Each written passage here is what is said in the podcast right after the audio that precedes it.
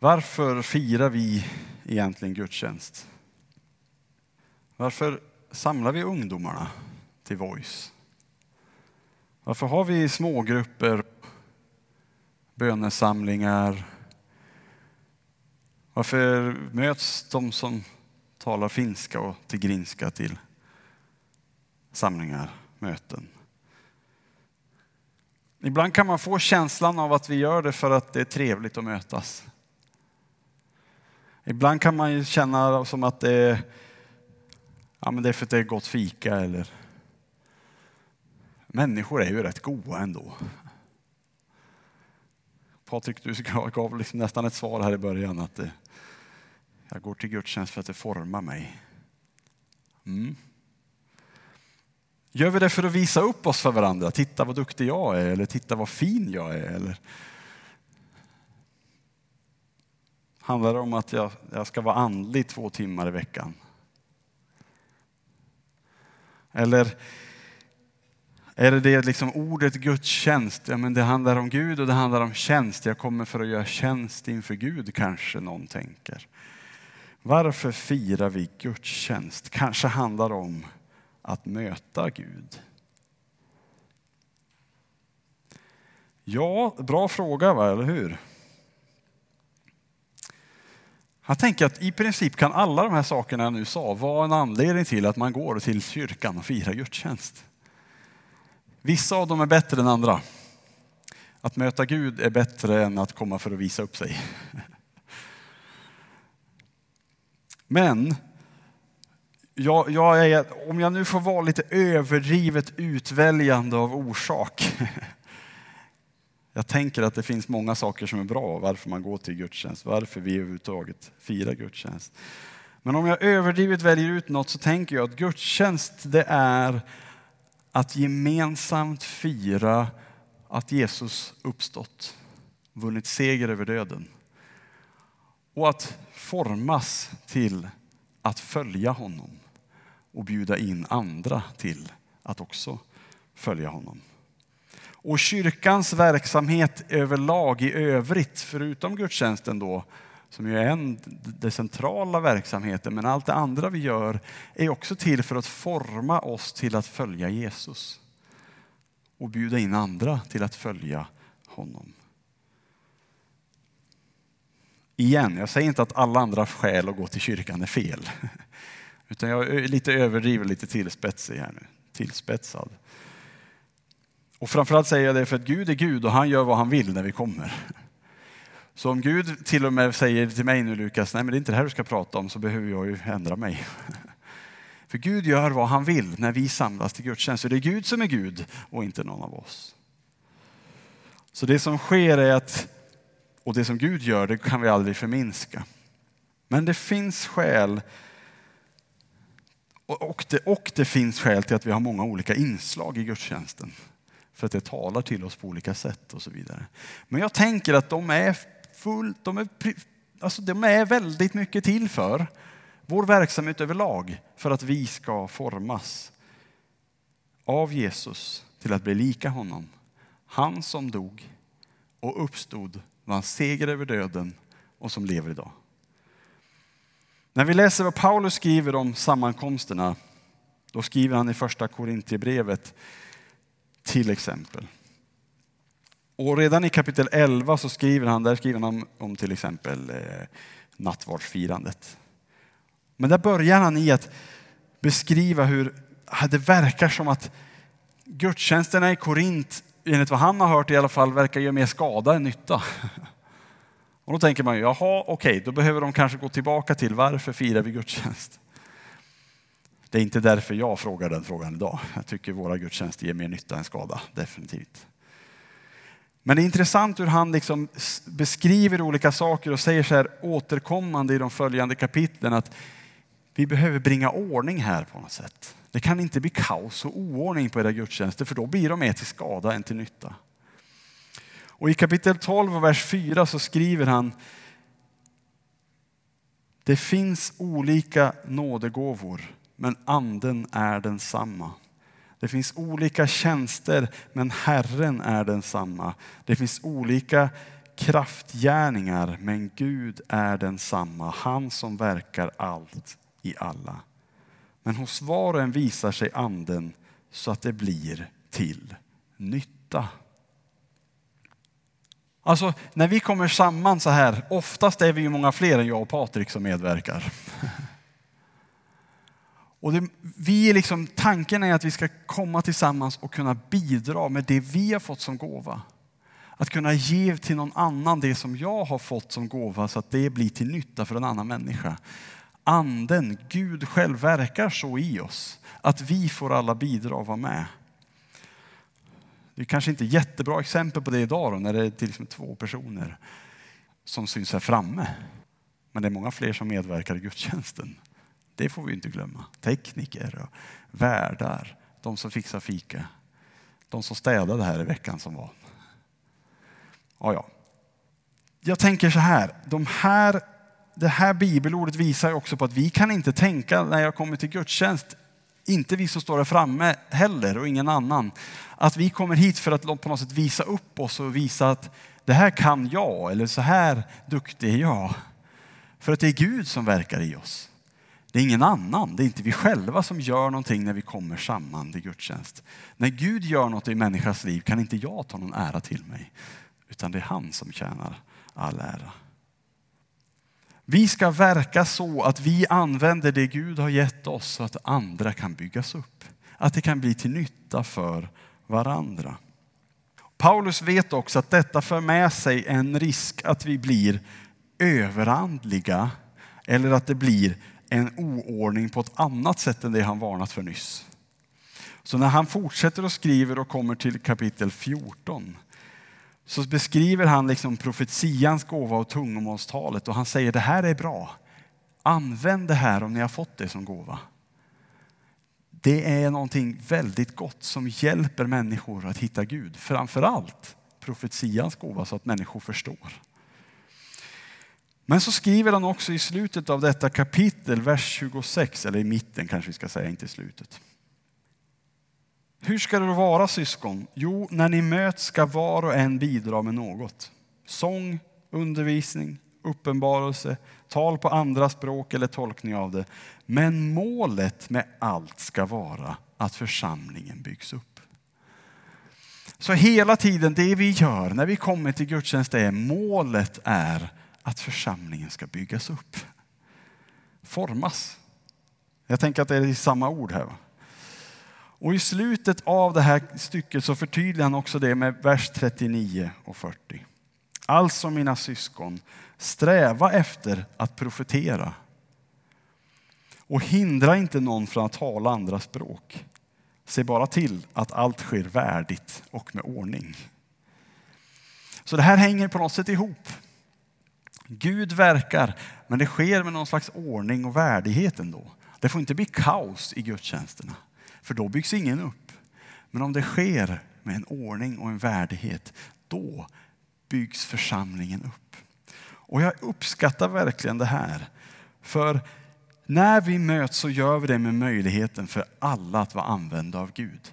Även om du inte kommer fram på estraden idag så kan du få vara använd av Gud till att tala in i någon annans liv.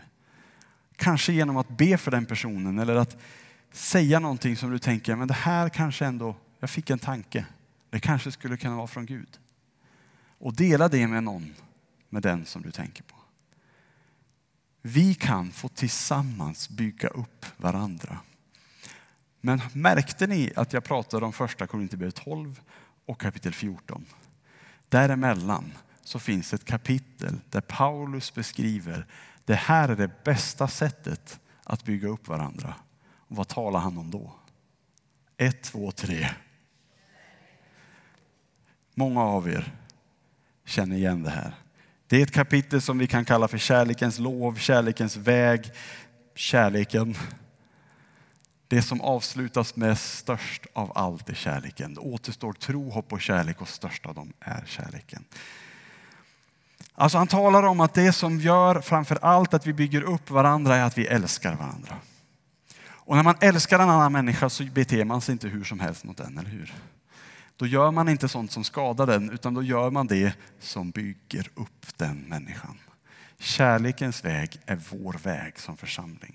Kärlekens lov är ett sätt att uttrycka hur viktigt det är för Gud och för oss som församling att vi måste älska varandra. Vi har ju hela den här våren i princip tjatat på om detta att den enskildes kristna liv är att följa Jesus. Följ mig har vi haft som vår tema, 16 veckor. Och det gör vi som enskilda kristna ska vi följa Jesus. Och vi gör ju också det tillsammans som församling. Det är, handlar om att fästa våran blick på Jesus. När vi följer Jesus var och en och så kommer vi tillsammans, då blir det att vi bygger Guds rike. Det skulle man kunna använda som ett annat ord nästan för att följa Jesus. När vi kommer tillsammans så finns vi i det här riket, i det riket som inte är Ja, men där handlar det inte om vem som är svensk eller eritrean eller ukrainare eller från Vietnam eller Finland eller var vi nu kommer ifrån. Utan vi har vår identitet i att vi tillhör Jesus. Det handlar inte om att vi tillhör Pingkyrkan eller Svenska kyrkan eller Equmeniakyrkan eller Evangeliska frikyrkan eller vad det nu kan vara. Utan det handlar om att vi har vår identitet i Jesus. Det handlar inte om vi är män, kvinnor, barn, äldre, yngre, medelålders och så vidare. Utan vi är medborgare i Guds rike, vunna av Jesus Kristus till att få bygga det som är hans rike. Och det är vårt hemland. Men det är också här och nu. Det är någonting som ligger i framtiden, i evigheten. När vi en dag når dit så kommer vi få uppleva Guds rike i all dess fullhet och härlighet. Men vi kan få smaka på det redan i detta livet. Och det gör vi väldigt mycket när vi kommer tillsammans och firar gudstjänst. Så varför firar vi gudstjänst? Jo, för att det bygger Guds rike. Vi får kliva in i Guds rike Guds rike förmedlar ett hopp till oss om att vad som än händer här i livet så finns det något större. Det finns någonting som går över allting, som går över till och med landsgränser och konflikter. Ett rike som växer på insidan av oss och i våra relationer till andra människor. Guds rike går liksom inte riktigt att sätta fingret på. För att det är lite som Gud, det är större än vad vi greppar. Jag var på Nyhemsveckan den här veckan som gick. Nyhemsveckan är, ja men det är folk från nästan hela Sverige som samlas. och många av dem tillhör pingstkyrkor, men inte alla. Men det är pingströrelsens, liksom, en av de stora konferenserna vi har. I, utanför Mullsjö som ligger rätt nära Jönköping. Och där märker man, när man kommer dit så märker man Guds rike är större än Katrineholm. Än Pingstkyrkan i Katrineholm. Än min familj och mitt liv. Guds rike är så mycket större. Och jag gillar verkligen det här att liksom få komma samman med många andra. Och en sak jag tar med mig från den veckan som nu var är fokus på Jesus. Det var hela temat för veckan. Och minnesversen tänkte jag vi ska vi tar med oss minnesversen från Nyhemsveckan in i vår gudstjänst idag. Så nu ska vi göra så här. Nu ställer vi oss upp. Och så ska vi göra de här små rörelserna som de gjorde till minnesversen. Och då kan jag visa först. Minnesversen är från Hebreerbrevet 12, vers 2. Och bibelordet är så här. Låt oss ha blicken fäst på Jesus trons upphovsman och fullkomnare. För att nå den glädje som låg framför honom uthärdade han korset utan att bry sig om skammen och sitter nu på högra sidan om Guds tron. Där snackar vi, vem regerar i Guds rike? Det gör Jesus, det gör Gud. Han sitter på tronen. Och då är det, själva minnesversen var en liten del av den här versen. Det är låt oss ha blicken fäst på Jesus. Och då är rörelsen så här. Låt oss ha blicken, som en kikare så, fäst på Jesus. Två gånger så. Fäst på Jesus. Är ni med? Låt oss ha blicken fäst på Jesus. Nu får ni gärna säga det här högt också tillsammans med mig. Låt oss ha blicken fäst på Jesus. Vi gör det en gång till. Låt oss ha blicken fäst på Jesus. Kommer ni ihåg det nu? Gör ni det får ni sätta er ner. Ja, det är okej. Okay. Ni får sätta er ner. Att komma till Nyhemsveckan och få det här varje dag till sig hjälper den att sätta, fästa sina ögon, eller blicken som vi sjöng, eller blicken på Jesus. Och att komma till gudstjänst och fira gudstjänst tillsammans med andra hjälper oss också att hålla blicken fäst på Jesus. Så varför firar vi gudstjänst? Jo, men också för att hålla blicken fäst på Jesus mitt i den vardag vi befinner oss i.